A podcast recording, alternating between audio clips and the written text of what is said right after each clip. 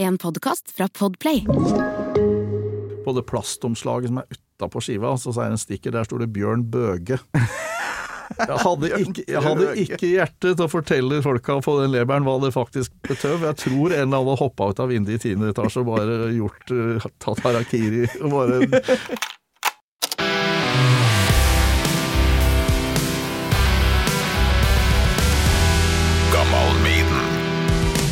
Se på lista di her.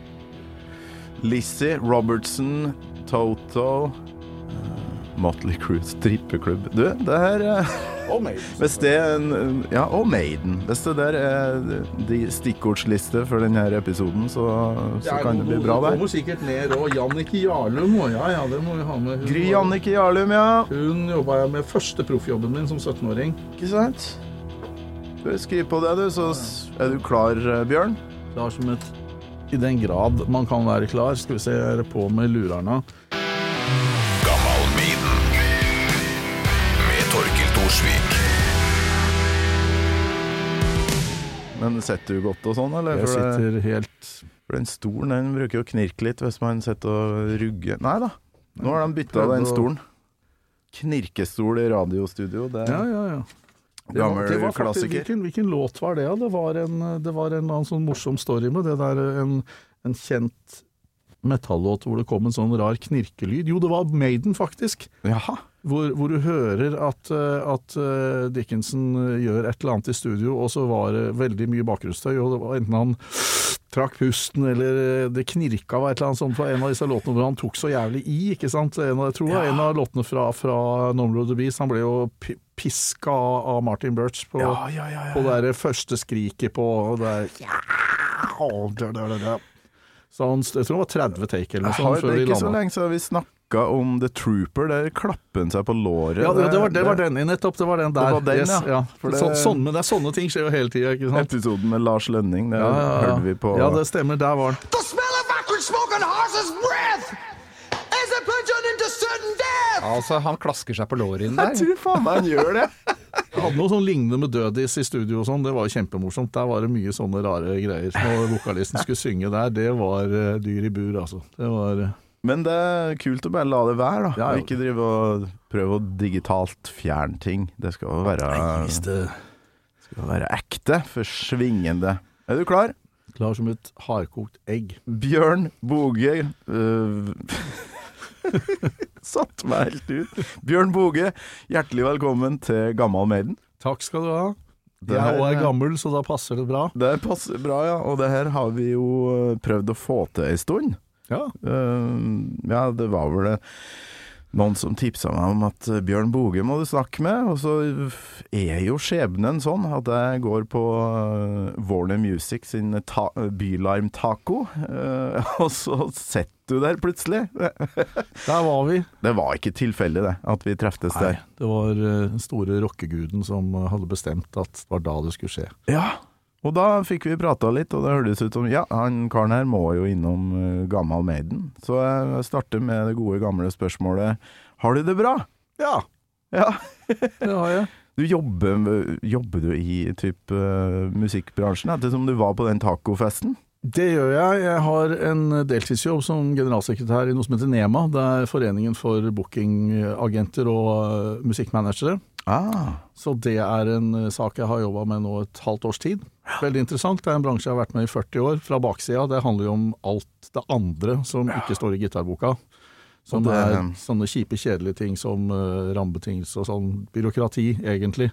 Så ja, men det er jækla viktig det der. Det, det er mye jo- viktigere enn det folk tror. Vi har hatt en pandemi og så videre, og det er mange, mange ting som skjer som man ikke leser om nødvendigvis i avisa. Det er, I avisa skriver man jo alltid om bare de tinga som virker tilsynelatende veldig sexy. Mm. Mens det, det som er realiteten i Norge, er at eh, 95% av de som jobber i den bransjen, her jobber vettet av seg for forferdelig lite penger. Uansett hvor du er. True, true. Enkelt, og veld, veldig kort sagt. Hør! jeg har prøvd meg i band sjøl i noen år, og penger så vi lite til, gitt. Og du har uh, jammen traktert uh, basen og ja, vokalen og gjort det meste opp igjennom. Så jeg har et uh, Det her er det vanskeligste potpurriet jeg noen gang har laga med en gjest, for uh, det var umulig å få med alt. Men jeg har fått med litt og ganske mye Da Vinci, som vi, som vi starter med. For det, det er gode minner da, for eh, sånne som meg.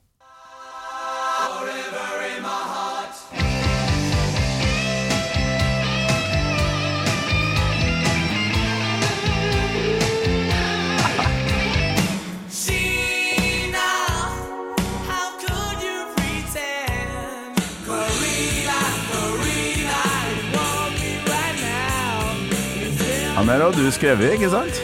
Ja da. Ja, kult.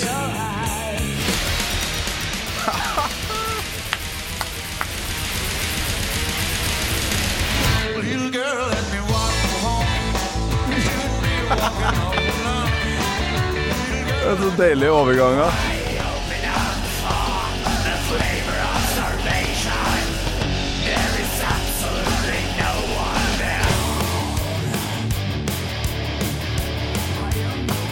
Bra story.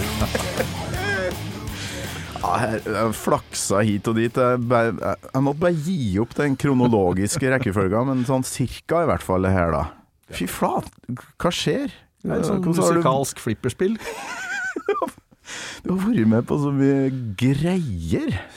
Og så leste jeg på Wikipedia at uh, du farsker meg starta med Sun Wheels. Det er jo, det er jo legendarisk sånn Oslo-band. Takk for det. I 1978, da ble jeg født. Mm. Da begynte du med å spille i band. Ja, da begynte vi, og jeg skrev min første norske tekst da jeg var 15. Ja. En låt som heter Egertorvet, som da gikk, eh, ble også spilt en del på TV og radio, og var med på en sånn norsk punk et eller annet eh, samler nå for mange år siden. Så, så det begynte der, og eh, i kjelleren på Grorudklubben som tolvåring.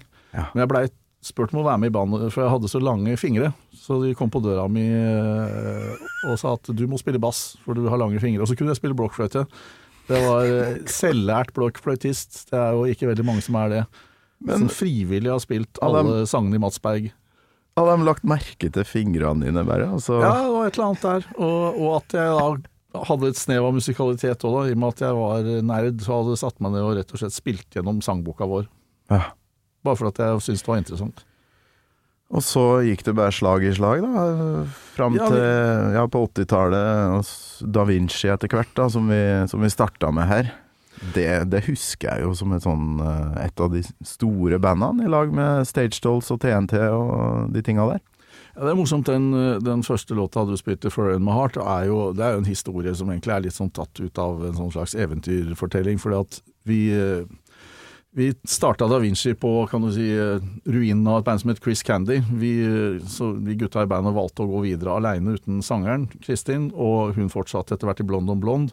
Og vi, eh, vi fikk med oss Lars Aas fra et band som het Panama, som jeg hadde produsert og gjort uh, ting med. Og så hadde jeg tre låter liggende i skuffa, blant annet eh, den Look At Me Now-låta som var nummer to der, og, um, og en låt til. Som jeg, jo, Corina også faktisk, på den første demoen vi gjorde i Waterfall med Kai, eh, Kai Robøle. Ja. Pølse-Kai, som vi alltid kalte den for. Kai Robøle. Han er sjef for eh, publisheren og, og musikkforlegger, og veldig, veldig bra mann. Han, Ja.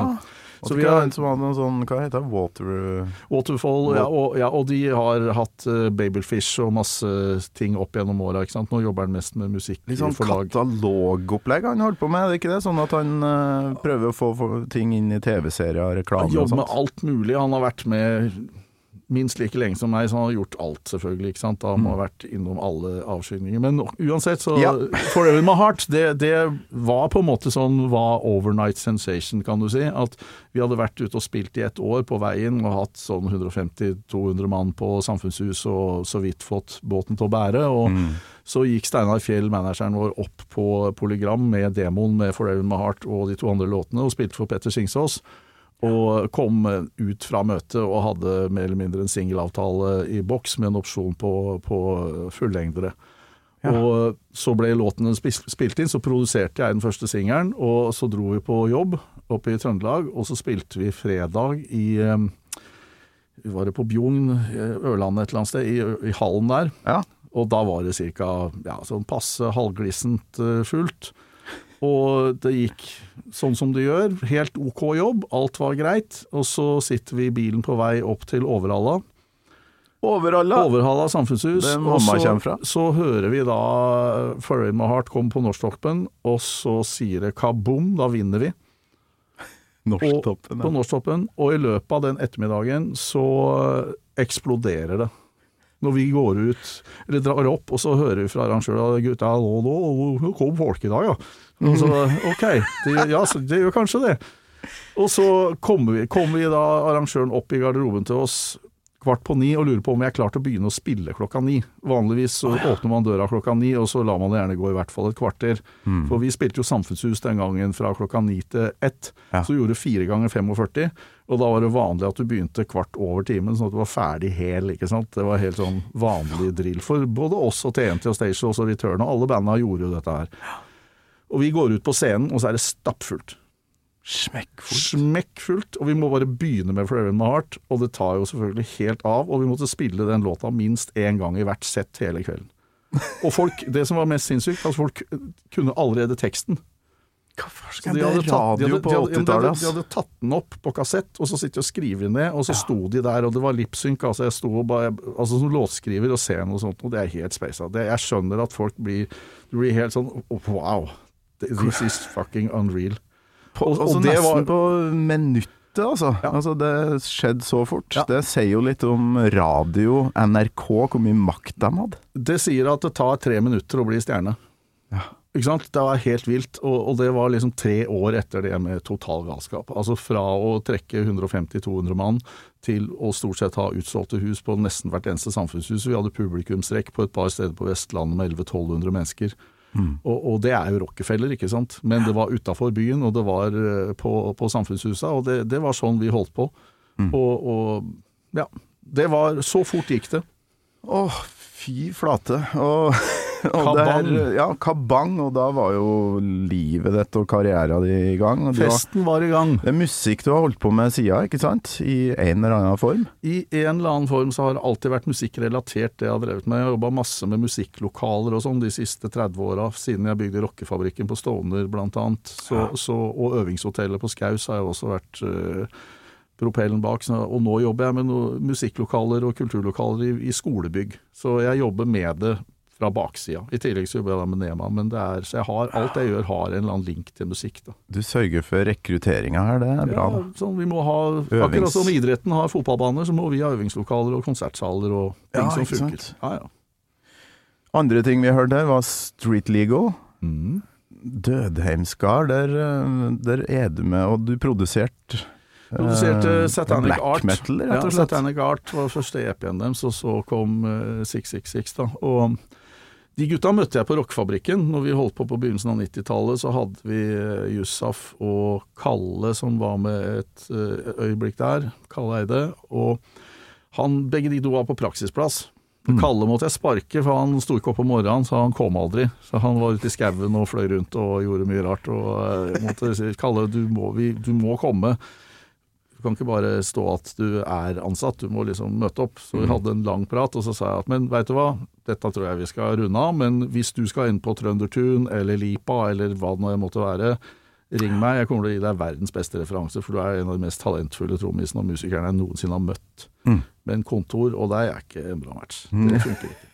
Men Yusuf derimot, han var der, og det var jo også en interessant story, men vi ble da kjent, og og de kom til meg og lurte på om jeg kunne produsere ting, for de hadde jo allerede gjort noen, eh, noen innspillinger, og, og var liksom inn, inn mer i tradisjonelle black metal-soundet, og de følte jo at den sjangeren den gangen allerede begynte å kjøre seg litt fast. Mm. Jeg hadde mitt forhold til det, som jeg sa til dem, det er Metallica og kanskje noen andre band, men jeg, dette skjønner jeg virkelig ingenting av, som jeg sa. Dette er jeg en gammel gubbe allerede. Men har ikke noe å si, dritkult, for du er sånn 80-tallsmann, og det låter du, du, vi må ha fet lyd, vi skal ikke ha skitten lyd, nå skal vi ha fet, bred, diger og, Ok, da kanskje vi kan snakke sammen, sa jeg, men uh, dere må bare forberede dere på at alt jeg kommer til å si, syns dere er helt feil. Ja. Men det- men det- 80-tallsmann, det er bra. Men, men, det var jo, men det var veldig kult, for jeg sa at ja, men det er veldig fett, for at da får jo vi utfordra hverandre, og, og jeg elsker folk som De hadde jævlig gode ideer og veldig bra Altså Det var steintøft musikalsk. Det tok lang tid før jeg klarte å knekke kodene hva de egentlig holdt på med. Altså Det er jo sinnssyke gitarriff som går og går og går, og det, det slutter jo liksom aldri. Og hvordan trommiser og gitarister og, og ting henger sammen i den sjangeren der, tok meg kanskje nesten to år før jeg liksom knakk den koden. Og det, var, og det var en annen historie om troll og hellhammer og ting. Ja, vi hørte jo Troll her òg. Ja. ja, et par sånne black metal-ting, og Texas Twisters Ja, det var, der. det var 95-90-tallet som jeg jobba masse med. Vi spilte jo 100 jobber i året med det bandet òg. Jøss. Du har vært innom jækla mye greier. Men øhm, du har kanskje hørt Gammal Maiden-podkasten før. Mm. Jeg har et spørsmål som jeg liker å komme inn på litt sånn tidlig, og så tar vi resten av din øh, musikalske historie Mm. underveis. Husker du, Bjørn, første gangen du hørte øh, Iron Maiden? Det er faktisk Jeg har sittet og prøvd å vridd huet mitt på, for at vi hadde sannsynligvis den første skiva på Grorudklubben. Ja. Og så fikk jeg ganske tidlig tak i Killers-skiva. For jeg syns liksom at den første skiva var litt sånn Litt snål på en eller annen måte. Sånn, ja jo, greit nok. Men så kom Killers, og det var liksom bare helt sånn Wow. Ratchile og, og, og den introen uh, Ides of Mars, er det han heter. Ja. Og alt det der var bare Plutselig så var et band fra å være litt sånn Kall det feil ord rotete, men det var jo veldig progga, til å bli mye mer in your face, liksom. Og i min verden mye fetere lyd. Martin Birch var inne i bildet og rydda opp, og det blei steintight.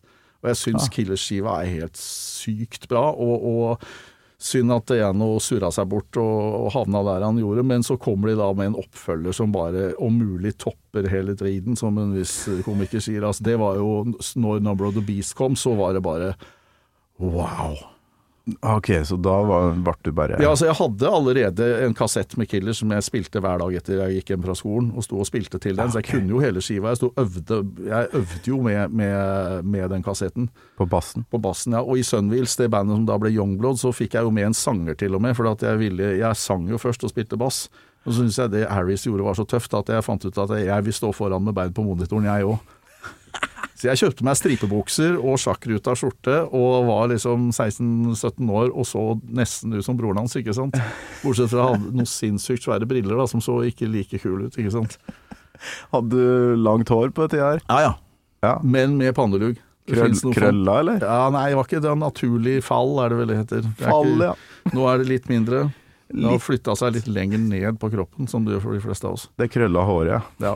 Mm. Samme her, men nei, nei da, jeg har jo, har jo manke fremdeles, og jeg nyter det så lenge jeg kan.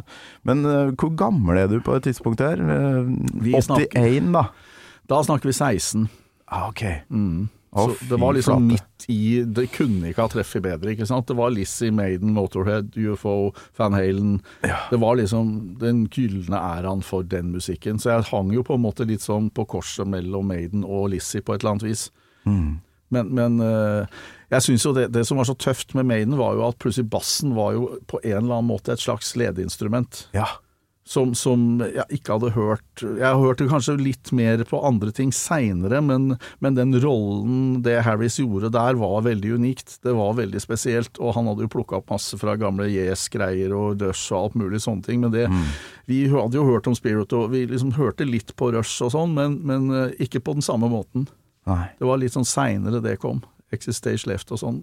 Men, men det var mer attituden. At det var så innmari midt i trynet, og, og samtidig jævlig bra spilt. Og, og, og da med, med de, de låtene spesielt på de to skivene der, var, var liksom bare en helt sånn ny dimensjon som jeg aldri hadde hørt før, og som jeg digga. Det var både melodisk og samtidig veldig trøkk. Og det, den komboen har jeg alltid hatt veldig sansen for. Det er kanskje mye av det jeg har prøvd å ta videre i Street Legal Law, liksom, at du kan både være Motorhead og Eagles samtidig hvis du vil. Ja, ja, ja. Det går an. Litt sært, men det går an. Det går an å blande de to. Ja, ja. Men det er et eller annet med Altså, fattern er jo bassist, så jeg vokser opp med Ja, å legge meg på kvelden, og så hørte jeg på den evinnelige dum, dum, dum, dum, dum, dum, dum, dum. Ikke sant? Og andre ting. Han spilte jo en del uh, Dire Straits og sånn, men kanskje det var den bassoppveksten min som gjorde at jeg digga Maiden uh, på grunn av Steve Harris og det han gjør, da. For han, han, han er så viktig, altså. Like viktig som gitarister. Ja, egentlig viktigere, eh, sånn på en måte fordi at han gjør ting i det Altså, jeg skal ikke si at hvem som helst kunne ha gjort det de to gutta gjør, og det handler mye mer om altså, låtskriving, og tenkte jeg, spesielt Edrun Smith som kom etter hvert, men også, og, også vår andre venn der. Altså, det har jo også vært med siden, er jo en veldig del av soundet, men det er det jeg har prøvd å tenke litt på det. Er det sånn at eh, vanligvis så er en bassist veldig bakpå, man er bekken på fotballaget, liksom. Og man får liksom kanskje lov å gå på å skyte en straffe hvis man er heldig, men, men det Harris får til, er jo å løpe over midtbanen og smelle ballen i mål og gå tilbake, og, og, og så ikke Mister aldri ryggdekninga, men han får det til på en utrolig elegant måte. Og den låta, jeg skal ikke si navnet hvis du, du kommer, vi kommer til en sang etter hvert. Bare si det, du. Ja, 'Prisoner' er jo en av de fineste eksemplene på hvordan han gjør det. Han spiller både bass, og samtidig så er han helt i front og, og smeller ut noen melodigreier på de pre-chorus-greiene der som jeg syns jeg får gåsehud bare jeg snakker om det. Så det, er, det er helt Det er dritfett. Det er liksom Ja, men det er, det er helt, helt jeg tror G.C. Butler gjør noen sånne ting innimellom i, i Sabbath. ikke sant? Han har noen sånne steder hvor han går og vever inn melodier, men måten Harris gjør det på, er for meg helt unikt i hardrock-sammenheng. Det fins mange andre folk, selvfølgelig, andre sjangere, men den komboen av å klare å både være metal og melodisk på den måten der, det tror jeg Jeg vet ikke om noen andre som har gjort det før dem. Akkurat sånn. Ja, nå fikk jeg gåsehud sjøl. Skulle tro, da, etter eh, så mange episoder, at jeg begynner å bli herda her. Men når, når folk er så engasjert Ja, Det er helt fantastisk. Det, er sånn, det, det, det inspirerte meg. Det er, det er sånn Lage Fossheim, Rest in Peace, sa det du låner må du gi tilbake til du stjeler er ditt. ikke sant? Altså Når det gjelder låtskriving, man får jo masse inspirasjon av det, og så, og så er det mer stemninga du har inni huet når du da setter deg ned på gutterommet etterpå. Så lager du ting som minner om dem. Du vil aldri klare å sette kanskje fingeren på at det var akkurat det, men det er liksom en, en vibb som blir igjen, og det er det som er så tøft med det, at det her var et helt nytt musikalsk landskap som de lagde, som ingen hadde gjort før dem, og det var derfor de er selvfølgelig så svære som de er fremdeles òg. For det fins bare Maiden. Og det er mange folk som har prøvd å gjøre det samme, men, men akkurat den komboen her, det, og spesielt komboen av Adrian Smith og, og Harris, syns jeg Harris er fantastisk på egen hånd nå, men jeg syns når du blander de to gutta sammen 'Stranger in a Strange Land' er også en av de tøffeste låtene jeg veit om, for den òg har nettopp den derre supermelodiske greia, og så er det blytungt samtidig. Så jeg tror det skjedde noe når Adrian Smith kom inn i bandet, tror jeg. Og det ble jo veldig rivninger mellom de to, skjønte jeg også. Jeg kan ikke historien så godt, men jeg hører det, at det er, det er et melodielement fra Han var jo ganske poppa i de tinga han gjorde på egen hånd, ikke sant. Og, og den komboen der, den blei veldig tøff. Ja, det funka. Det, Og også på Peace of Mind etterpå, når Bruce Dickinson også begynte å jobbe med låtskriving på mye mer Der skjedde det også ting. Der er det også en del låter som jeg syns er utrolig kule, fordi at det blender på det, de elementene der, da. Ja. det er jo en sånn uh, f- TV-serieintro her, som uh, vi, vi bør jo faktisk høre den. uh, for å sette stemninga, da. We want information. Information. Information. Who are you? The new number two. Who is number one? You are number six. I am not a number. I am a free man. Hadde du sett den uh, serien? Nei, faktisk ikke. Nei. Jeg har gløtta innom den. uh, men vi må jo høre på Clive Burr her.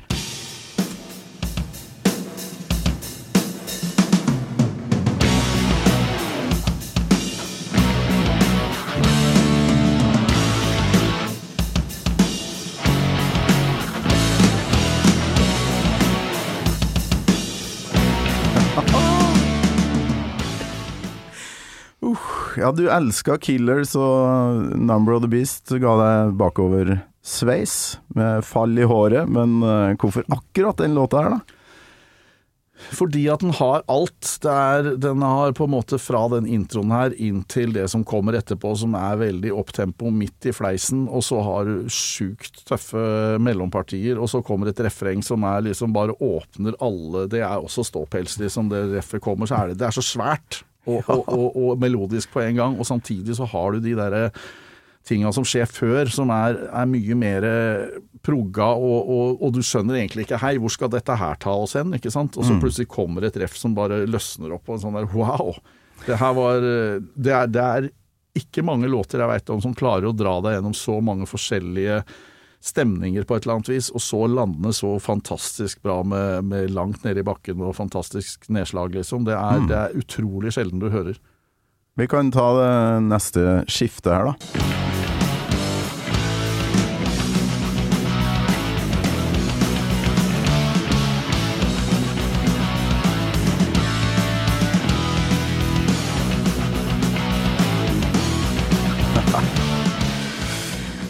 Det er et uh, trommeøs her, som òg må påpekes, føler jeg. Og, og det, jeg skulle akkurat si det, det er no offense til Nico, liksom. Men, men eh, vi, han eh, Morsomt er også sier vi her skjener vi ut. Eh, Hadde vi spilt med Evenrud i, i eh, UK i 89 som support for Status Quo, med Da Vinci var backingband til Ole Evenrud. Ah, okay. Den skiva kom aldri ut der borte for øvrig, men da spilte vi som support for, for, eh, for Maiden, og da var trommerådet til Nico med. Oh, ja. Fordi at uh, en av uh, Support for Maiden? Nei, nei, support for Status Quo. Ja, ja, så trommerådig for Maiden hadde fri, så han var med og jobba med, med Status Quo. Da, og han Ah, var, okay. jeg tror han var trommerådig for, for, for Quo, og vi prata selvfølgelig masse med han. Kjempehyggelig fyr. Mm. Og, og utrolig trivelige folk, så det var bare en digresjon. ikke sant? Men, men jeg syns Nico er litt mer lealaus enn det, det, det Clive Burr gjorde, var mye mer tightere. Og det er derfor jeg syns spesielt den skiva her er um, Number of the Beast er helt eksepsjonelt drøy. For at du veit hvor, eh, hvor eh, det står. Martin Headmaster Birch, liksom.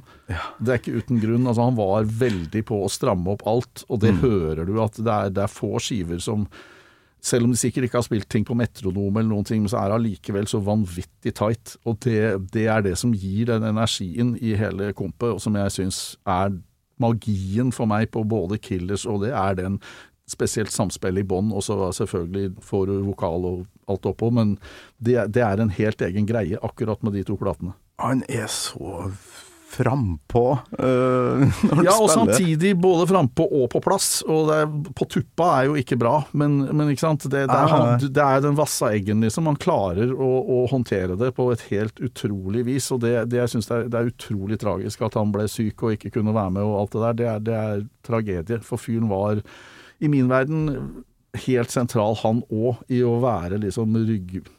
Bærebjelken i det soundet her. Ja, fy flate. Lokomotiv, vet du. Ja, ja. Han, øh, men han køla ikke på for mye, det som du sier. det var veldig punkete på en måte, ikke sant? samtidig som det var veldig stramt. Men det uh, lille bridge-partiet her, uh, det tenker jeg du liker litt sånn ekstra godt, da, med tanke på din uh, Steve Harris forguding bortimot her. nå, nå går vi over i eh, Ja, ja. vi må, vi må høre på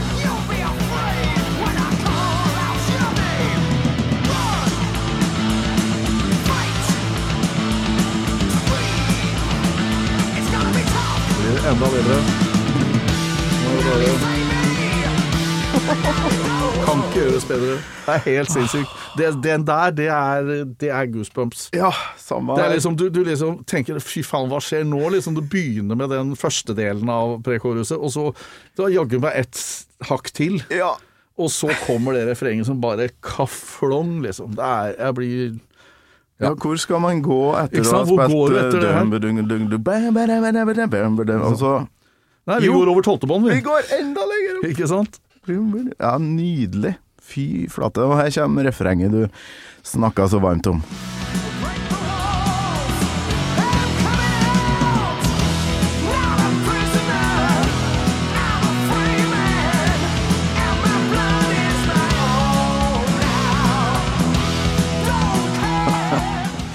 Tenk deg det refrenget uten det Steve Harris gjør her, da.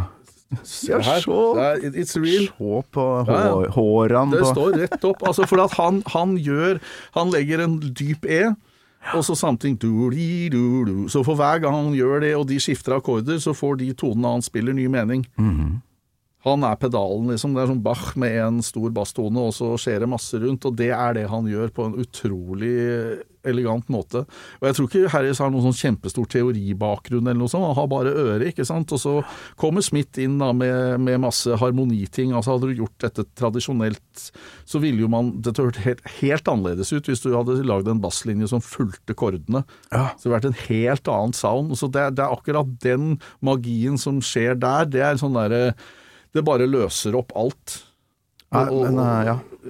Det er liksom ti på Det går ikke an å gjøre det bedre. Du er jo ikke førsten som uh, gjerne vil snakke om The Prisoner, så sakte, men sikkert nå så har jeg jo skjønt Faen, for en låt! For det, det er jo gjerne andre låter man har uh, i fokus da når man er 12-13 år, men uh, den her har åpna seg, og den funka live òg. Har et lite klipp fra Hammersmith, da, 82. Det er en ganske sulten gjeng som står på scenen. Tviler ikke et sekund.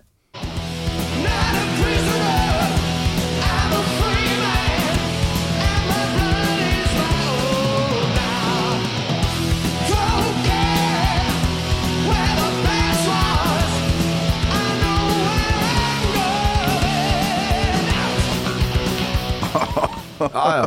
Og det er like bra live. Ja. Det er jo også det fantastiske med, med et band som Maiden, at den gangen så kunne folk faktisk skitten sin, de kunne spille. Det låt sånn live, og du visste hva du fikk. Det var ikke like mange overdose og triks og fiks, nei, men du hører alltid at det er sånn, det, dette er så hel ved som det går an å få det, og bare enda mer stake, ikke sant. Og det, Stake. det, og det, det blir som Fan Halen og Alice Lizzie, alle de banda man elsker fra den perioden der, er jo akkurat det. Det største problemet egentlig når folk lagde plater, var å gjenskape den energien i studio. Det, er- det å få den entusiasmen og få det trøkket, og ikke på en måte fjerne det, og, og samtidig få det ut. Og det, det er til, til den dag i dag det aller vanskeligste man holder på med, syns jeg, når man lager plate. Så hvis man skal bruke et innspilling. Altså hvordan få til det. Og i dag så har du jo all verdens teknologi som kan gjøre at alt blir i time og pitch og, og, og det ene og det andre. Men det er som jeg sier, folk sitter jo ikke og maler bilder med sprittusj og linjal, ikke sant. Det, er, det, er, det må være et eller annet element av uforutsigbarhet, av Man kan bruke alle verktøyene til å rette opp småfeil som på en måte som det er et fantastisk take, og i gamle dager så punsja du inn bare en liten bokstav eller et eller annet for å, en, et ord som var surt. Men i dag så har man kanskje gått seg bort litt i å tro at uh, hvis du retter ut alt, så blir det Ja, det låter kanskje teknisk sett større og bedre, fordi at du flytter mer luft på en eller annen måte. Du kan virkelig rydde opp i ting, men da tar du bort også det som faktisk det, Dette mystiske ordet sjel. Hvor blir det av det, liksom? Ja, som du ser, det har slått meg egentlig med mange band i dag, at de faktisk uh, veldig sjelden er ute og spiller veldig mye live før de går i studio. Da, da er det jo ikke noe energi de kan ta med seg inn der, og da blir det jo ikke Ja, de har ikke testa låtene først. Og det er et kjempepoeng, for at jeg tenker at det, det selv om du står på et samfunnshus og må spille alle mulige mystiske coverlåter for å overleve, og det er det du gjør, det er jobben din, så lærer du noe om publikum. Du ser at spiller du feil låt, så tar det akkurat som for en DJ, det tar 15 sekunder, så er gulvet tomt. Det gjør noe med hjernen din, ikke sant? og det, det gjør noe med at du veit at du, det er din jobb, du må vinne hele tida. Og om du spiller Det har ikke så mye å si hva slags sjanger du jobber med da, men du må på en måte kjenne publikummet ditt, og du må gjøre de rette tinga. Og, og det gjør noe med deg når du gjør det om og om og om igjen, og du samtidig går tilbake til øvingslokalet og øver og skriver og prøver å få dette til å bli et eller annet som du kan eh, vinne publikum med. Og det igjen, helt uavhengig av stilart, så er det en, det er en sånn toveisprosess som kanskje i større grad har blitt mer og mer borte. Og musikk av og for mennesker, prøver jeg å si at det er, jo, det er jo først og fremst det vi er. Og faller det elementet bort, så kan det fort bli ganske tomt i midten. Ikke sant. Du, du snakka om at dere varma opp for status quo, og hva, hva skjedde med Da Vinci? Jeg vet jo at de har laga ting i ettertid, uten deg, eller? Ja da. Nei, det som skjedde var at jeg, jeg var jo en slags spillende trener, egentlig en slags manager sett i ettertid. Var jeg han som fløy rundt med kofferten og løp og ordna alt, og var, var han som måtte ta alt det. Og det er jo aldri en populær jobb. Nei. Du må også bli han fyren som må si nei, og det er jo ikke alle som hvis festen er i gang, og noen kommer og sier at festen er over, gutter, så blir det fort ganske trist. Og, Så det bygde seg opp over lang tid, og, og, men eh, vi, fikk, vi var på samme booking eh, og management som, som Ole Evenrud, og han hadde mista bandet sitt noen måneder før. Og så kom tilbudet fra England og manageren til Yes, Mm. som hadde da et band som heter It Bites, som egentlig hadde en supportslått på, på englandsturneren til K. Og det var 21 jobber eh, før jul. Alle var utsolgt. Det er alltid stappfullt hus. 3000 mennesker til 12 på, på Wembley Indoor i, i, i London. Så han trengte et band, og så han hadde gjort en tjeneste for manageren til Status Quo i USA en gang, hvor han hadde mye mer impact, og så han hadde fikk den slåtten gratis. Han slapp å betale for den. Okay. Så Ole måtte bare betale kan du si, kostnadene, overnatting og, og det vi trengte for å overleve. Så det var en veldig billig deal. Samtidig skulle skiva til Ole egentlig ut i uh, One Size Fits All, skulle egentlig ut i England, på Arista. Var ferdig, men så var det politikk. Altså han ENR-fyren til Ole i Statene fikk fyken av en eller annen grunn. ok. Og dette skjedde akkurat i dette skjæringspunktet, så turneen var booka, vi var satt på, dro over og spilte, og Veldig bra story. Eh, vi gikk ut, og tre av låta vi spilte var Hey Ho Desperado. Og engelske publikummere er ikke spesielt hyggelig mot oppvarmingsband, så det var liksom fuck off og dra hjem, og vi vil se, hei, vi ser status quo og alt det der. Og Ole, nettopp da kommer matchtreninga fra Samfunnshusene inn, ikke sant. Han hadde vært ute og, og gjort hundrevis av jobber og var ikke redd for noen ting. Og bare gikk ut, og på breakdown-partiet på Desperado så er det Hey ho, Desperado, og han bare sang Hey ho, status quo. Ah. Og arma i været, og, og da folk flira jo, for de skjønte jo at fyren var jo det, Han bare glisa, og, og etter den låta så var det greit. Ok. Og, og, og, og crewet sa at dette er helt De kaster ikke piss på dere. De klapper etter låtene. Dette her er den rareste og beste responsen vi har hørt på supportband noen gang. Hva skjer? Hva skjer, liksom? Dere skulle basically fått juling, ikke sant? Men det, dere blir liksom godtatt. Etter tre av låta, så, så er alt i orden. Så det var magisk. Det var, Når, når er det? Dette var i 89. Ja, ok. Så, så det var jo en fantastisk turné, og vi gjorde til og med noen få radiogreier der borte, men, men så, så ble det, tror jeg, bare hele albumet ble stoppa. Og det kom vel sånn sett kanskje bare ut i, på ordentlig vis i Norge, da. Hvor det solgte relativt bra. Men eh, da tror jeg Ole hadde fått Altså, da hadde du vært gjennom den store kverna i over to år, holdt på med Neil Kernan, som for øvrig har miksa noe ting for Street Legal helt sånn på tampen. Helt annen historie. Ja. Men, men, men, eh, men de hadde jobba da i, i to år med å lage en, en bra eh, pop-heavy-plate, og som ble dritfet. Og så skjer det politikk. Det blir bare bom stans. ja. Det er ikke første Nei, det Gangen er det der skjer. Det, ikke sant? Og det er ting som ikke handler om kvaliteten på musikken eller noe som helst. Det bare er sånn det er. Og det er utrolig frustrerende. Og vi dro rett hjem til Norge og måtte spille tre samfunnshusjobber i romjula for å rette opp økonomien for han. Åh. Og da fikk jeg pepper av de andre gutta, for da hadde de liksom solgt oss ut. Ja, men det var jo på en måte Vi måtte gjøre de tre Norge-jobbene, sånn at Ole faktisk fikk betalt tilbake det han skyldte manageren sin. Og da fikk jeg fyken over nyttår da, så ble jeg innkalt på møte i bandet, og ja, snakka sammen, du kan ikke være med mer. Ok, ja, men greit. Og da fikk jeg faktisk jobb som bandleder for Ole istedenfor, så jeg holdt på med han i tre år. Og så begynte jeg å jobbe som session-bassist for han, gjorde Trine Rein og ja, Dagfinn og Return kora jeg med, og gjorde masse forskjellige ting for Ole i de åra hvor, han, eh, hvor jeg jobba med han, så, så, så gjorde vi veldig mye session-ting. Det er ei liste som sikkert ikke er komplett, men eh, jeg tror på den Wikipedia-artikkelen eh, Hvem er det som skriver de artiklene, lurer jeg på. Det lurer jeg på. Men der er det i hvert fall ei liste, da, som, der, der du har bidrag på utrolig mye greier. Satyrikon, stemmer det? Ja, ja. For det der gikk jeg inn på Wikipedia-artikkelen for eh, albumet, da. Um, er det Extravagance? Er Rebel Extravagance. Ja. Og der sto det Bjørn Borge. Ja, som det var, masse gode det er så jævlig mye feil på, som ligger på nettet. Den beste feilen er jo faktisk på coveret på Japan-utgaven av, av eh, Thunderdome med Street Legal Ja. på Pony Canyon. På det plastomslaget som er utapå skiva, så er det en stikker, der står det Bjørn Bøge. Jeg hadde, ikke, jeg hadde ikke hjerte til å fortelle folka på den leberen hva det faktisk betøv. Jeg tror en eller annen hoppa ut av vinduet i tiende etasje og bare gjort uh, tatt harakiri. Og bare, det er bare tenkt nei, vi får la det bare ligge. Det er ikke verdt det. Og det er litt hyggelig. Ja, så man har lest alt. Ja. Det ser jo tøft ut da, med sånn norsk uh, Ja. Hadde det, vært, hadde det vært tødler, så hadde det kanskje vært, uh, så hadde det vært Motorhead, liksom. Jeg vet ikke. Metal omlauts, Ikke som det heter. Ja, ja, ja. Ja, men eh, ja, Satyricon spiller bass på den Ja, eh, skiva. Fretless-ting, faktisk. Og jeg husker ikke om det var For jeg hadde vært inne og da gjort noe med Grete Svendsen, faktisk. eh, På David Eriksen produserte Grete Svendsen. Om det var Mike som var tekniker da, som hadde tipsa eller om det var via Dødis-linken, husker jeg ikke i farta. Mm. Men det var det i samme studio, og da ble jeg dratt inn for å gjøre jeg tror det var åtte takter eller noe sånt, jeg, på den, eh, med fretless på den ene låta. Jeg husker ikke hva han heter engang, sånn, men jeg er der. Åtte takter! Ja, sånn er. Og det er Så litt det, det er litt 90-tallet for deg. Du er all over the place. Grete Svendsen, Ja. og rett over på Satyricon, og så er det Ja.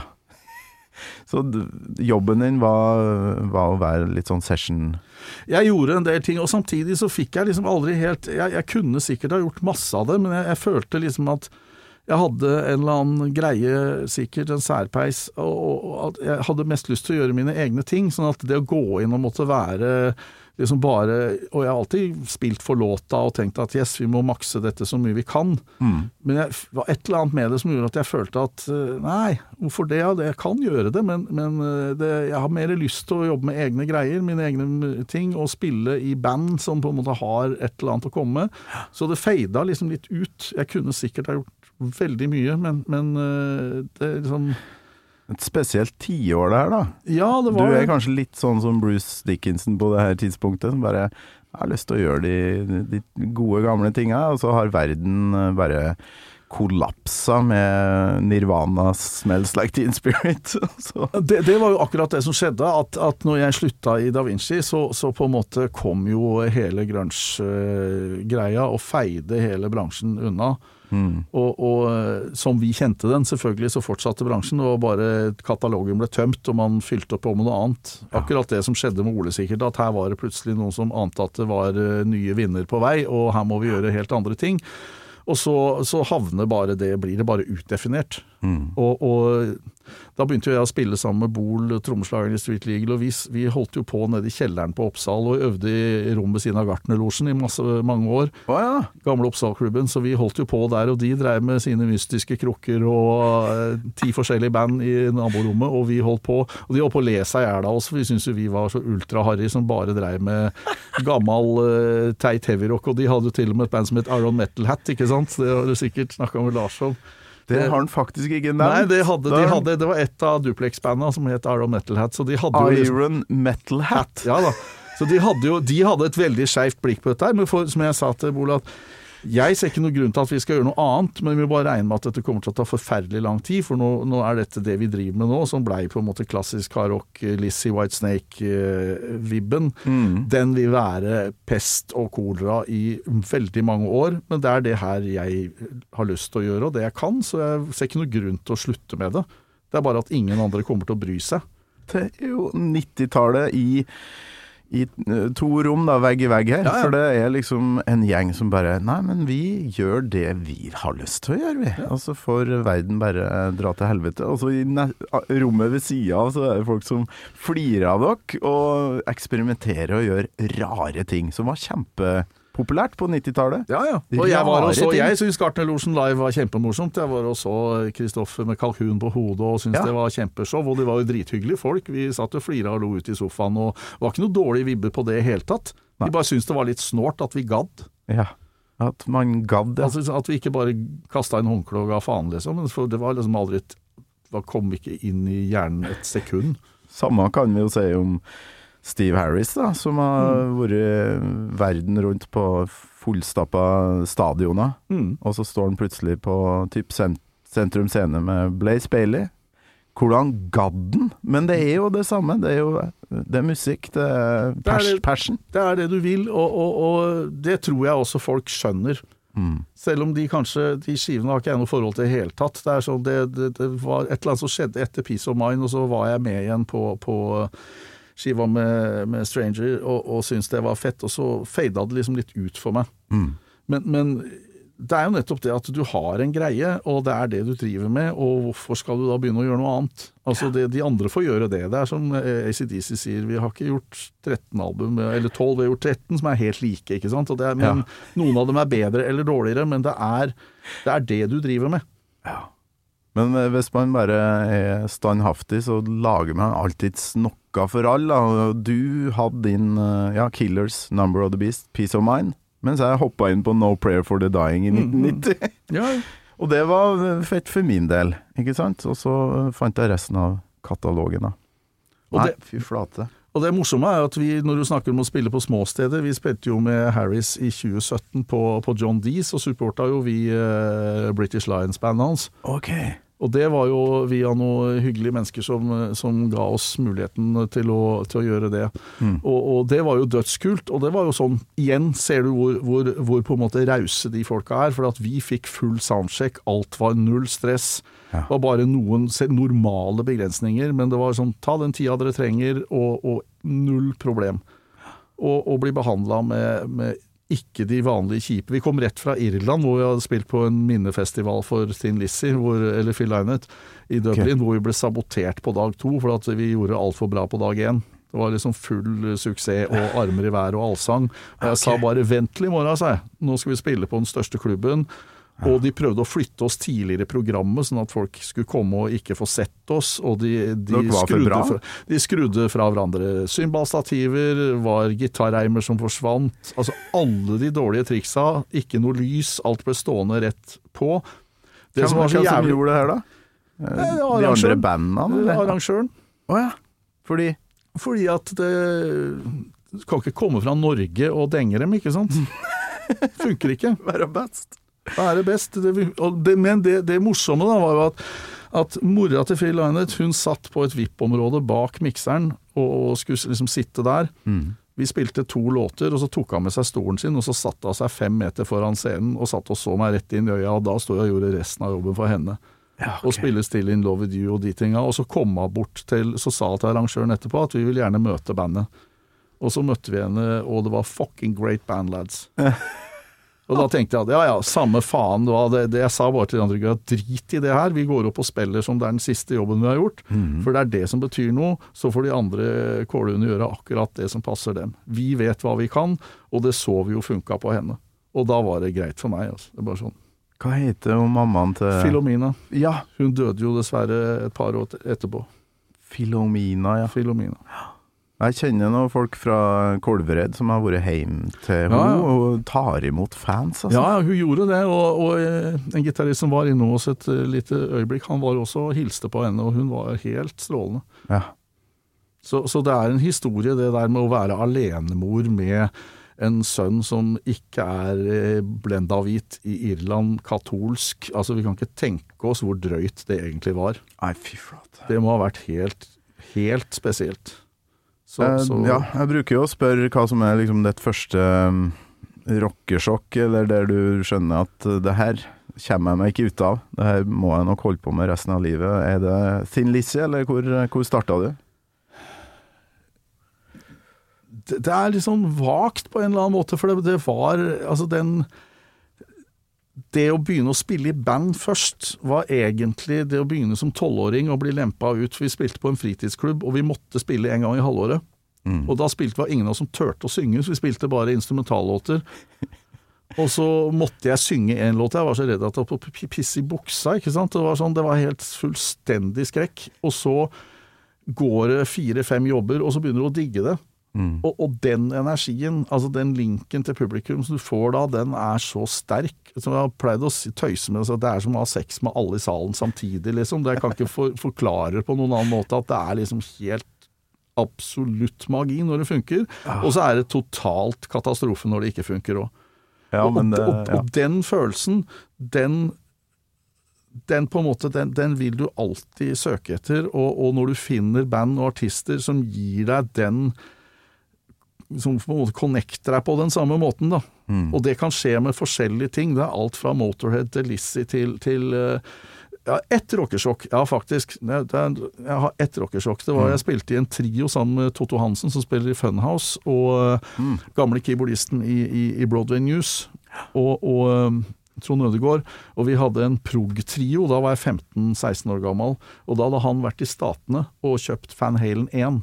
Ok. Og han drev Supersonic og hadde en diger eh, van. Og baki den så hadde han to feite PH-høyttalere, og det var ikke plass til meg foran, så jeg satt inne i lasterommet bak. Og så klinka han på Eruption på 11 når jeg satt inni der, og det var bare Wow! Hva var det her?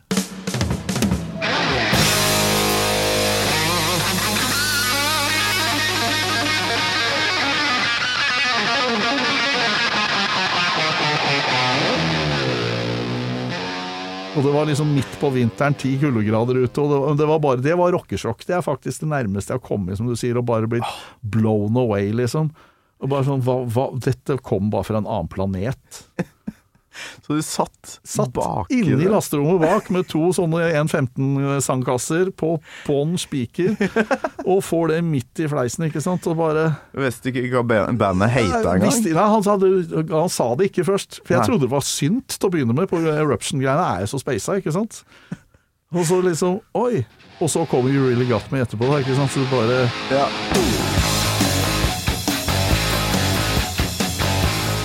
Det var bare Det var sånn uh, rusopplevelse, liksom. Du bare Jøss, hva traff meg nå? Det hørtes helt, helt konge ut. You're listening to a podcast. I'm Bruce Dickinson. You're not. And you're listening to Gamal Maiden.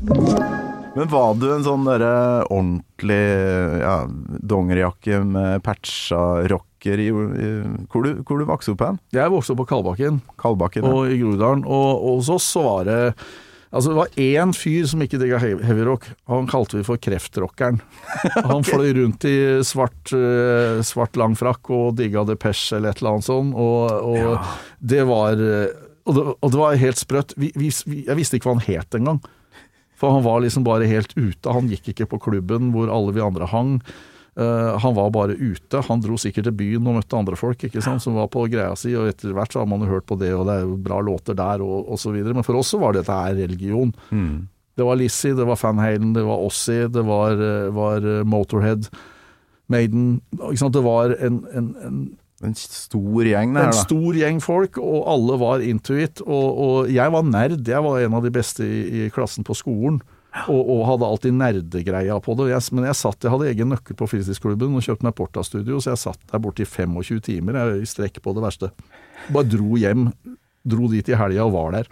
Ja. Og lagde demoer. Skreiv og skreiv og, og, og løp rundt på klubben og, og jagde de andre gutta inn i øvingsrommet fordi at de eh, ville spille bordtennis istedenfor, ikke sant. Men den her nerden eh, Bjørn satt han og nistirra på Maiden-coverarten Ja, ja, ja. og sjekka ut eh, låttitler Alt. og hva, hva tekstene handler om og sånt. Det er jo et kjempetap med Spotify at du Altså, man satt og støvsugde alle platecovere for kreditter. På et tidspunkt kunne jeg sikkert fortalt hvem som kokte te på øh, Ikke sant? For at du, du var så opptatt av detaljene, og du leste tekster, du satt og så på det mens du hørte på musikken. Det var på en måte en, en helt egen dimensjon. Det ble et sånt eget univers som du forsvant inn i. Og, og, og det det, det, det fins ikke i dag, og det tror jeg det gjør at det er en annen måte å lytte på musikk på. Altså det å sette seg ned og høre på en plate, og ikke minst det der eh, litt sånn halvreligiøse å snu plata midtveis. Ja, sånne, sånne ting som det, det er, det er et annet format, rett og slett. Og det vet ikke. Og det, de som lagde de platene, de visste jo veldig mye om dramaturgi. dramaturgi. De skjønte Mm. jo at man måtte bygge opp en plateside på en bestemt måte for at du skulle henge med. Og så, så skjedde noe veldig kjipt. Når CD-en kom, så begynte folk å lage altfor lange plater. Ja. Altså De beste platene som er plass. gitt ut ja, beste platene som er lagd, er jo stort sett bare litt over 35 minutter lange, for det var det du fikk plass til. Ti låter maks. Mm. Ja. Og det holdt. Så kom du plutselig med et format som gjorde at du kunne servere over 60 minutter med musikk. Og Mm. så kreative er ikke folk at de klarer å lage så mye bra musikk på så kort tid. Nei, De færreste i hvert fall. Use your illusion 1 og 2, da. Ja, jeg skal ikke begynne å dra eksempler, for at det er, jeg syns det skjedde noe Altså, de som på en måte ikke visste om Man måtte ikke ha så mange sanger. Nei. Men det blei igjen så Formater endrer virkeligheten, og da, da ble det sikkert sånn at folk ble mer eller mindre tvunget til å, å gjøre det òg. Ja. Hva vet jeg. Nei, vi må høre, vi må høre litt Twin Guitars her, og så um, kom jeg jo på at uh, du laga ei stikkordsliste som vi så vidt har rørt, så vi må, vi må, vi må innom den straks.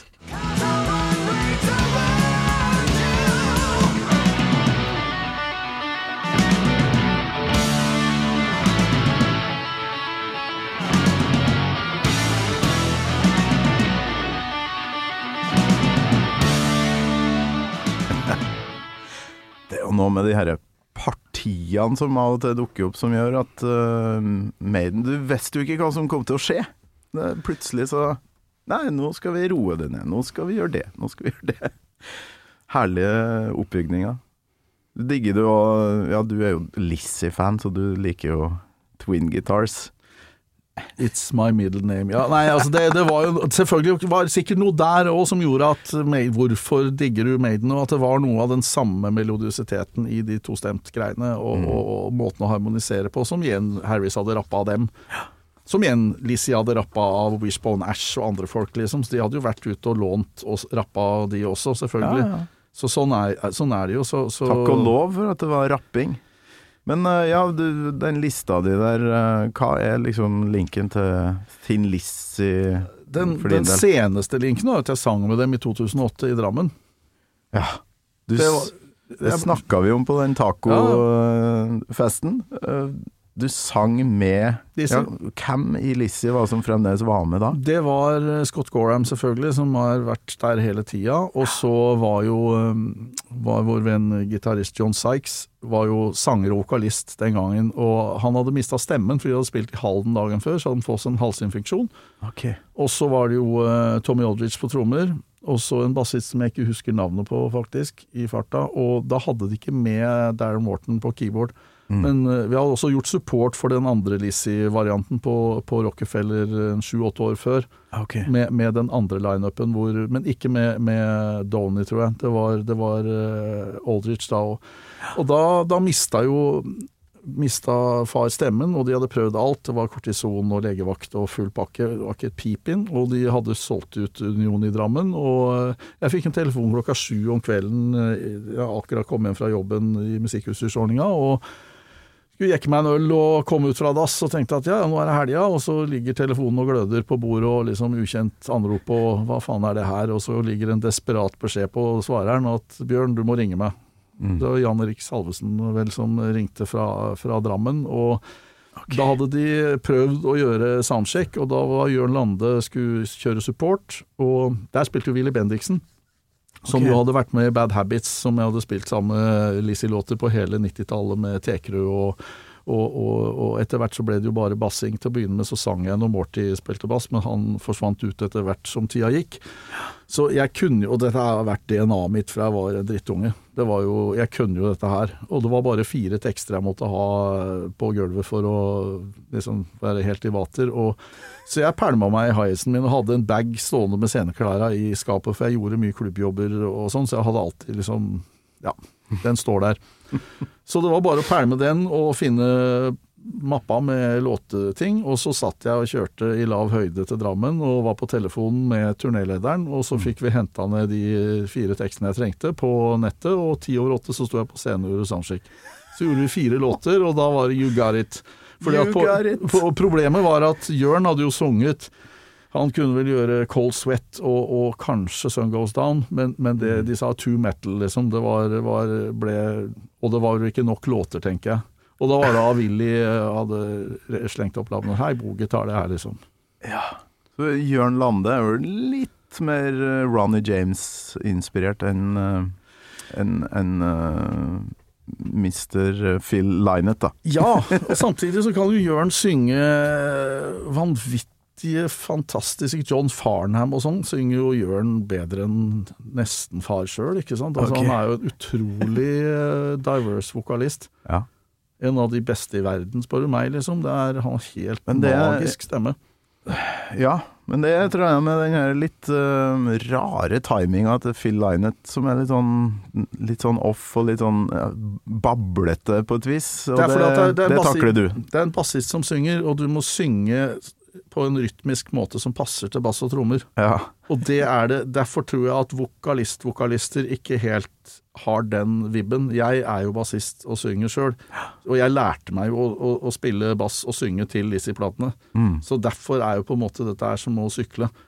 Det er ikke noe, Du trenger ikke å tenke, liksom. Det bare, er, det bare skjer.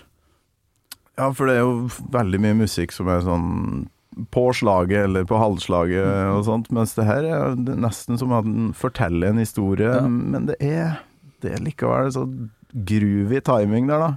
Og det, det er det veldig mange, mange skjønner ikke, at, at, at Lizzie er egentlig et funk-soul-konsept, men med vrengitarer. Mm. Du hører i gamle Lizzie-platene, så, så er det veldig tydelig på de eldre platene at det er, det er ekstremt soul-inspirert, og, og, og, og, timinga hans og sånn er jo helt annerledes enn det de og, og ikke minst tonen i stemmen hans. Han er jo ikke noe screamer i hele tatt, det er heller ikke jeg i, i nærheten av.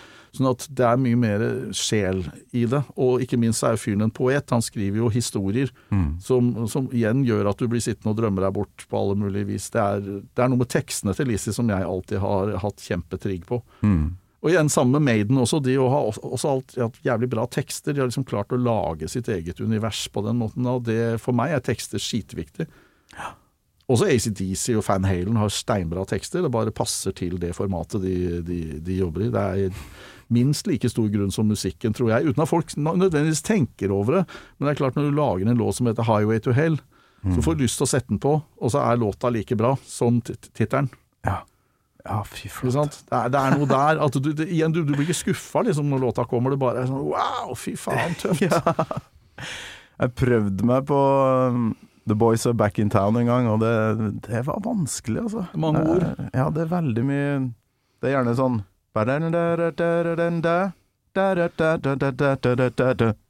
Og så har han legget legg på et par ord, og det høres helt greit ut når han gjør det, verste låta er kanskje Do Anything You Wanna Do. Ok. Det er, sånn, det, er, det er tungegymnastikk. Fra, det er nesten Øystein Sunde, ikke sant? Men samtidig så er det Det er både poesi og, og, og rock på en gang. Og, og det, det, jeg har lest en del bøker om det, og spesielt de skivene Tony Visconti produserte. Og, og Lino skrev jo nesten alle tekstene. Han hadde jo masse ideer, og så ble det meste skrevet ferdig mens de holdt på. Og det var med pistolen i tinningen. Og det er jo sånn, Den gangen var det veldig ofte sånn det funka. Ja. Og det, og det er jo bare wow. Det er historie. Det snakker Fantastisk. vi poet, altså. Steike som vi holder på. Jeg lova deg at vi skulle holde på en times tid, men vi er, vi er over det. Ja, Eh, det vi kan, eh, men vi må videre på den lista di etter eh, Vi må høre avslutninga på The Prisoner her, for å få en bitte liten tenkepause.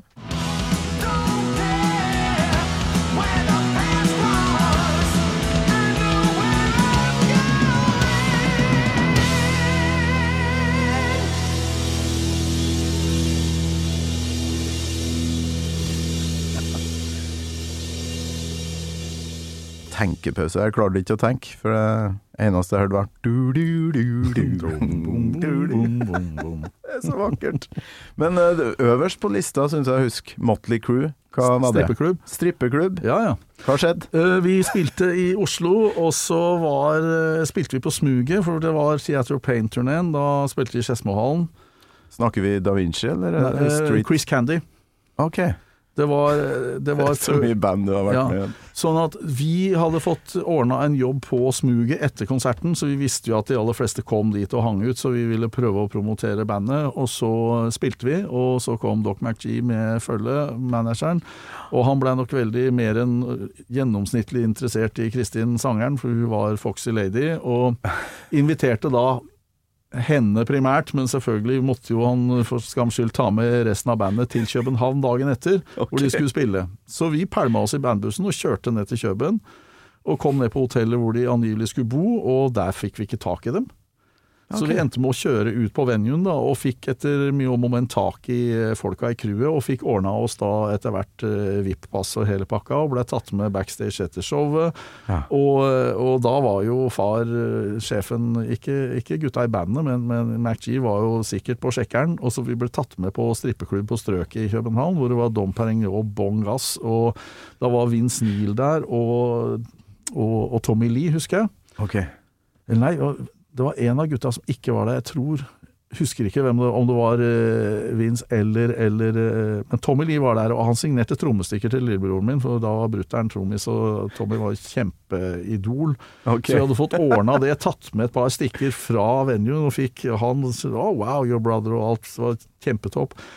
Og vi drakk med begge henda og holdt på, og da Trommisen i Da Vinci, Jarle, han var en eh, usedvanlig livat fyr, så han spratt opp på bordet han og tok eh, Dom Perignon-flasker og styrta dem, ikke sant. Og, da kom jo, og det syntes jo gutta i bandet var kjempemorsomt. Endelig liksom noen som var på deres frekvens, ikke sant. Da kommer det et par sånne to meter høye folk fra Hells Angels eh, som de hadde med seg som livvakter, da, og liksom tappa han litt på skulderen, liksom sånn derre Det er det er ikke du som betaler her. Men de bare flira og var ja ja, kjør på, ikke sant. Så det var jo Vi holdt på til seks om morgenen eller noe sånt. Så det var kjempe, De var akkurat så rock'n'roll som de Altså, at det bandet har knaka, det skjønner jeg jo. Det forstår man. Det forstår man når, man når man skjønte at det var sånn det var. Det var ikke bare late som det, altså. Også når folka i kulissene, altså manageren òg er såpass interessert i like glad damer i fest, ikke sant. Ja, Og damer at de inviterer et band fra Norge Ja, ja. bare for at dama i, Ja, ja. i front ser bra ut. kosta liksom ikke dem noe, ikke sant. Det var, det var på den, og sånn er det jo ikke lenger. Jeg har jobba masse i Spektrum de siste åra med lydmålinger, en helt annen greie. Og det, nå er det jo blitt uh, En av sjefene i Live Nation og sier det er jo blitt så kjedelig dette her, det er jo så ordentlig. Ja. Det er jo ikke noe rock'n'roll igjen. Det er liksom corporate hele veien, ikke sant.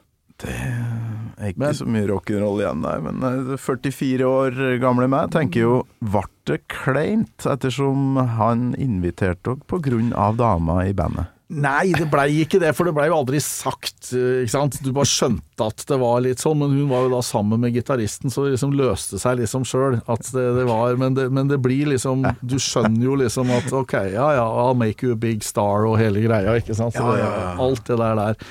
Så, så, så det var liksom ikke noe nytt, egentlig. Det er øh, Så, så, den, så den greia i bransjen er vel skal ikke si metoo og alt har endra alt, men det, er, det, er ikke, det, det funker ikke sånn noe mer. Altså den, den uh, greia som var, Det handla jo om, om, om, om penger og hva som var tilgjengelig den gangen. Altså det var, var helt andre penger i omløp. Nå har alt blitt mye, mye strammere, og, og man er mye mer bevisst på hva man bruker penga på. ikke sant? Den gangen så var jo bare folk på fest. Og det sto kanskje igjen på regnskapet til bandet til syvende og sist, alle de der flaskene til 5000 kroner stykket, at liksom hvorfor tjente ikke vi penger i Kjøben? Nei, det var fordi at du hadde en barregning på 100 000, ikke sant. Det er som å se på Flus nå, ikke sant. Den, eh, du liksom ser Party er på klubb der, det er litt sånn. Sånn er det ikke mer, ikke sant. Nei, sløs, sløseri, Ja, det holder man ikke på med, nei. Nei, ikke på den måten. Har Neida. det blitt litt mer sånn frykt eh, på backstage enn eh, bare eh, drikke og pottis. Ja, nei, det er Så det er en annen virkelighet, det, men fremdeles er jo musikken det viktigste, da. Og det, det er jo Jeg tenker jo at det, det er det som er det kule med å si, bli gammel når man er født i 65, som er at du merker at fremdeles er det musikken som holder deg gående. Akkurat de samme tinga som gjorde at du som 17-åring 17 spilte med Jannicke. Og, og hadde nerda så mye at uh, vi øvde en halvtime før vi gikk ut på jobb på Jordal Amfi. Og jeg hadde sittet hjemme med kassettspilleren igjen og kunne jo alt, sånn at selv om hun da ville gå på smuget og gå på fest istedenfor, så var det ikke noe problem, for at du liksom var så intuit, ikke sant. At sånn har det vært hele veien for meg, at det alltid har vært så Det er musikken som er, er drivkraften i det, og, og hvis, hvis du mister det, så må du bare slutte. Da, da er det ikke noe vits i noe mer. Da, da finn på noe annet. Det er eh, og det var også litt sånn Det var et sånn lavpunkt midt på, på 90-tallet, selvfølgelig, med, med alt som skjedde. ikke sant? Jeg drev og prøvde å få tak i vokalist til Street Legal, for jeg hadde liksom ikke tenkt at jeg skulle synge sjæl.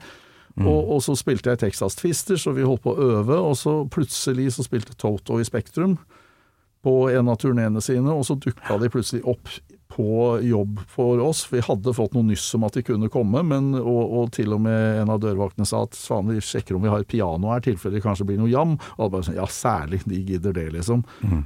Og så kommer de inn da på første, første settet, det var en tirsdag eller onsdag, liksom. Det var jo glissent med folk, og der står plutselig fem-seks stykker med arma i kors, som man pleier liksom å titte på, da. Og, så jøss, er ikke det et kjent fjes? Og så faen, jo, det er David Page. Ok, jeg var bare, her er det Det kan ikke Verste svaret jeg kan få er nei, så jeg hoppa av scenen, for jeg så at de sto og koste seg. Ja. Og så gikk jeg bort til henne og sa hei, Bjørn, hei, you wanna jam? Yeah, sure. Ok. Og så var det sånn ok, okay piano.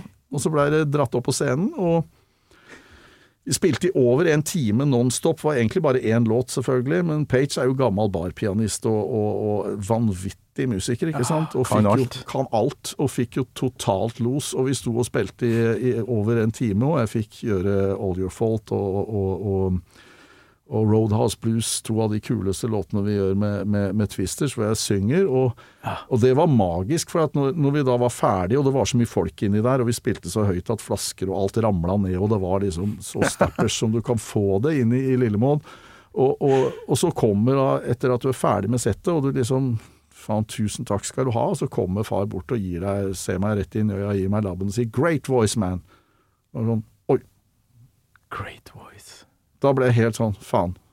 Han sa det, han har skrevet Africa og masse andre hiter og har solgt millioner av plater. Ja. Hmm.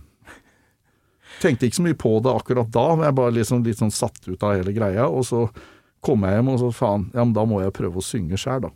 Ja. Og så begynte jeg med det, og da visste jeg jo at fy faen, det her kommer til å bli heavy. Mm. For at jeg veit jo hvordan jeg vil ha det, og det er jo Så jeg måtte jo på en måte lære meg å bli vokalist. Da. Jeg hadde ikke råd Ja, til produsent eller noen ting, så jeg måtte jo bare stelle meg ned i kjelleren på Frogner Jern og Metall, som var studioet mitt, og, og bare begynne å jobbe sjæl som tekniker og, og, og trekke det til det var i mål. Og det tok en stund. Ja. Men eh, det blei jo sånn som jeg ville ha det til slutt. Og det, men det var, det var akkurat den greia som gjorde at jeg skjønte at du trenger ikke å leite noe mer nå, nå er det bare å gjøre det.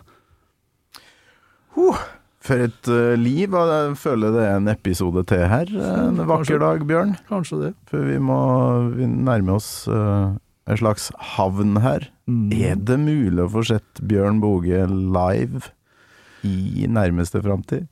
Det er det. Vi har en jobb i februar på Stopp pressen. Vi har hatt siden 90-tallet faktisk, igjen da, vi, har vi hatt et band som heter The Last Hard Men.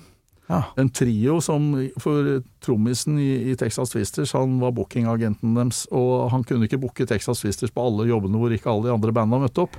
Så han måtte ha noe annet også, så vi fikk sånne Og han måtte ha et billig band, så han ville ha en trio. Ja. Ja, ja, har ikke mer enn enn 4500 gutter.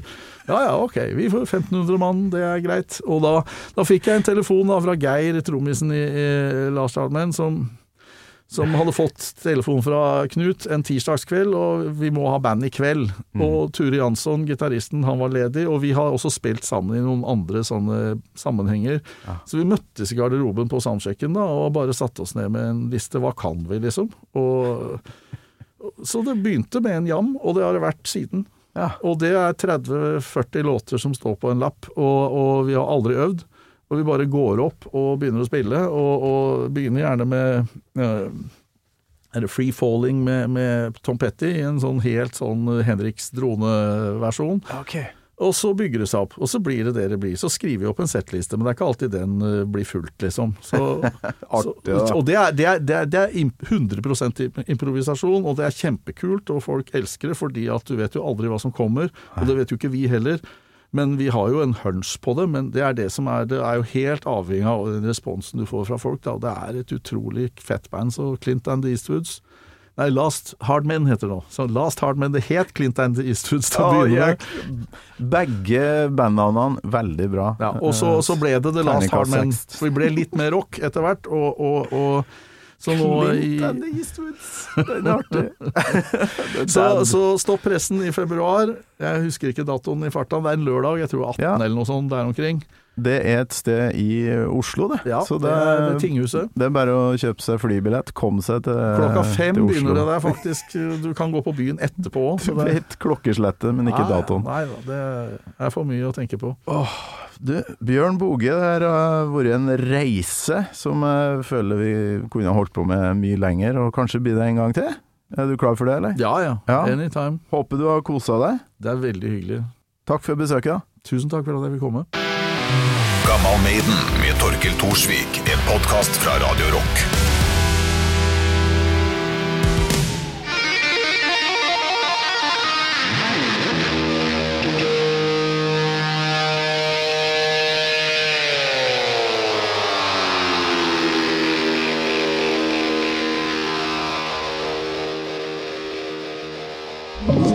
Du har hørt en podkast fra Podplay. En enklere måte å høre podkast på. Last ned appen Podplay, eller se podplay.no.